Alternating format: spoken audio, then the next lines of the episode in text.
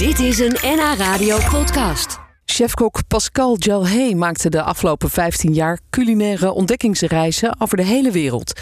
De smaken die hij mee terugnam, die komen terug in zijn nieuwe kookboek. Wereldse Smaakmakers heet dat.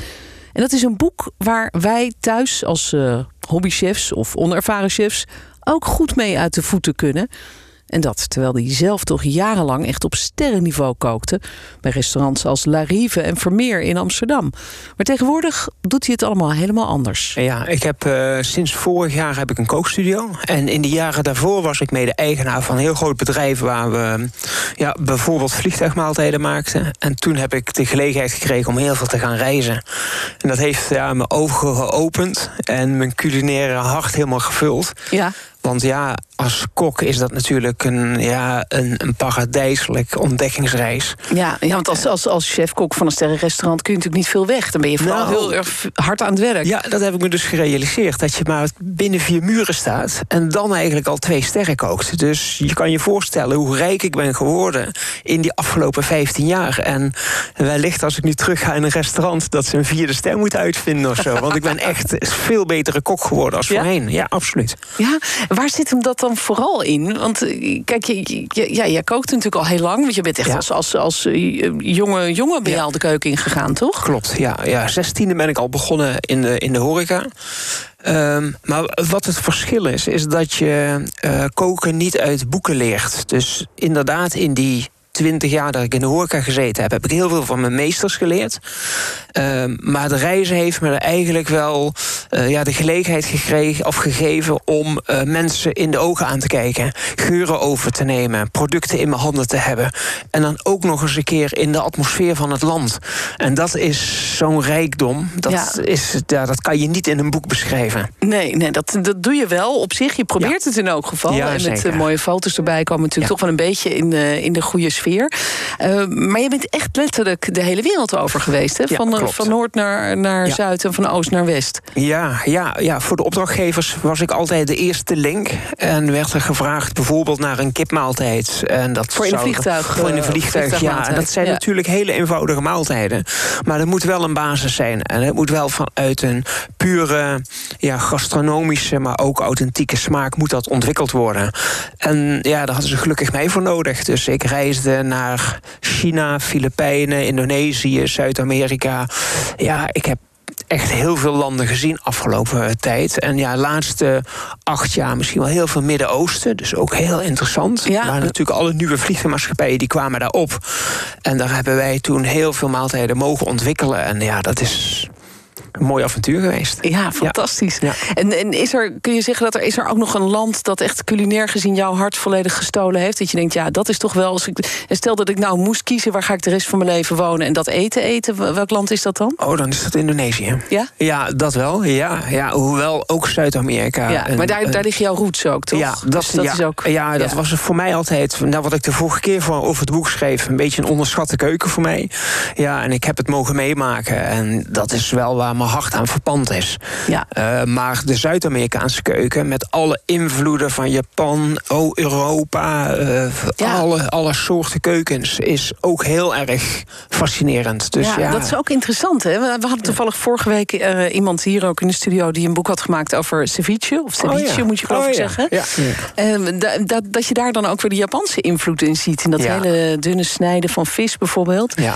Ja, het is mooi om te zien hoe dat allemaal met elkaar samenhangt eigenlijk. Ja, ja er, is nog maar, er zijn nog maar weinig echte etnische eh, keukens. Heel veel wordt nu al gecombineerd met andere stijlen, landen. eh, Alles is fusion, aan het worden. Ja, ja, alles is fusion, ja. Ja. Maar hoe, hoe, hoe pak jij dat aan als je naar zo'n land toe gaat? Eh, want eh, je wil natuurlijk juist, de, eh, juist eigenlijk wel die authentieke eetcultuur Ja. ervaren, toch? En Ja. niet die fusion waar ze al Nee. de Nee. stap hebben gezet naar Nee, hoe dat is het leuke, want ehm, net zoals voor Zuid-Amerika moest ik maaltijden ontwikkelen voor de koper- en tinmijnen in Chili. En daar komen natuurlijk heel veel mensen uit de omringende landen komen daar werken, omdat het, ja, net als gastarbeiders hier destijds, ja, trok dat gewoon andere landen aan, of werknemers uit andere landen aan. En dan ga je dus niet in de sterrenzaken eten. Natuurlijk doe je dat daar ook in de topzaken. Maar je gaat juist bij mensen thuis eten. Je gaat op marktjes eten. Je gaat met je. Ik had dan meestal een gids, dat is meestal een chef-kok. En met die mensen ga je dan echt naar de pareltjes toe. Weet je, ik heb in Korea ben ik ook de bergen ingegaan om houtskool te maken. Dat heeft helemaal niks te maken met eten zelf. Natuurlijk wel het bereiden, maar um, het geeft je zoveel rijkdom en zoveel ja, kennis. Want wat, uh, wat voegt dat toe als je zelf je houtskool hebt gemaakt of weet hoe nou, dat werkt? Hun maken, daar, ja, hun maken daar een hele cultuur van. Dat is daar, ze hebben ook wedstrijden. In Seoul heb je gewoon wedstrijden ja? van wie de mooiste houtskool heeft en het minste rookt. en uh, het geeft mij nu wel de kennis om op een andere manier te barbecuen. Weet je, brikets en normaal houtskool komt er bij mij gewoon niet meer in, omdat ik weet hoeveel uh, het, het, uh, het, de extra waarde is van een hele goede Binchokan. Dus de, de echte ja, de, de diamanten onder de, onder de houtskool. Ah, ja. En wat dat dan aan smaak doet en aan temperaturen... is weer een, ja, een verrijking van het koken. Ja, en dat is eigenlijk wat jij bedoelt met hoe rijk je bent geworden... Ja. door dit soort dingen juist allemaal uit te zoeken... Ja. Wat, je, wat je hier in Nederland natuurlijk niet kan. Ik bedoel, althans, klopt. ik heb daar nog nooit over gehoord... over dit soort uh, houtskool, Ja, zelf houtskool super maken. fascinerend. Ja, en zo heb je in elk land een eigen avontuur. Ja. Ja, bijzonder. Het is allemaal nu uh, terug te lezen in jouw boek. Um, niet zozeer over jouw avonturen. Er staan wel wat uh, verhalen ook in over Ja. dingen die je meemaakt. Mhm. Uh, maar vooral in de vorm natuurlijk van recepten. Ja. En het, daar zullen we het zo uitgebreid nog over, over hebben. Maar wat ik er mooi aan vind, is dat het inderdaad allemaal heel toegankelijk gemaakt is, uh, geschreven is. Met ook ingrediënten die je hier gewoon kunt krijgen.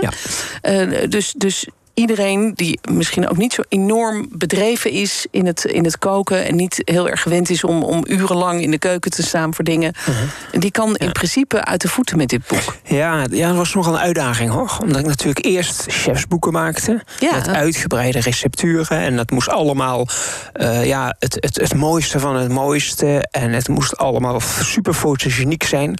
En dit was voor mij de uitdaging om uh, informeel, laagdrempelig met producten die makkelijk voorhanden zijn, uh, toch heel, heerlijke gerechten te maken. Ja. Met ja, weinig handelingen. Ja. Uh, het is ook het eerste, nou is eigenlijk ook wel de eerste foto aan de voorkant van het boek waar ik zonder koksjasje sta. Ja, Normaal sta ik altijd, altijd met een koksjasje. Maar Helemaal informeel ben dit je. moest echt heel informeel.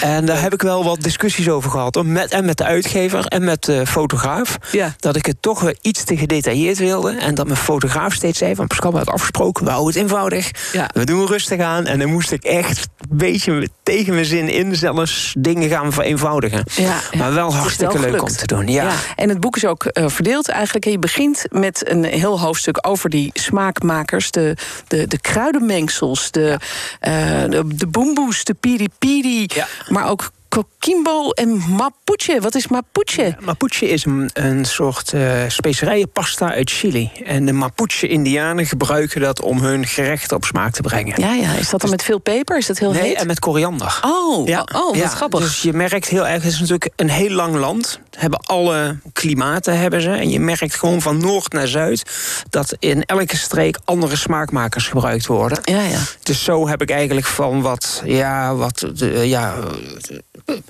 streken de, de, de basis overgenomen. Ja. En dat is ook een beetje dat eerste hoofdstuk, echt de basis van een gerecht. Hè. Ja, een boemboe, een ja. mooie kruidenmix. Ja.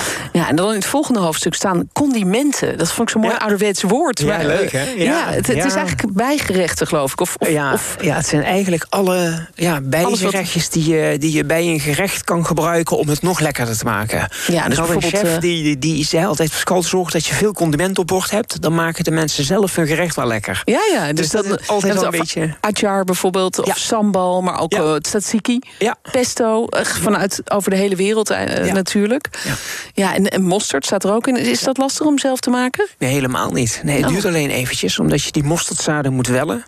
Maar dan draai je hem eigenlijk in de keukenmachine tot, ja, tot, uh, tot mosterd. Dus dat is het leuke, dat er heel veel, bijvoorbeeld mosterd... maar ook uh, brown saus en, en tomatenketchup... wat je normaliter zo in de supermarkt met soms wel meer dan 20 ingrediënten...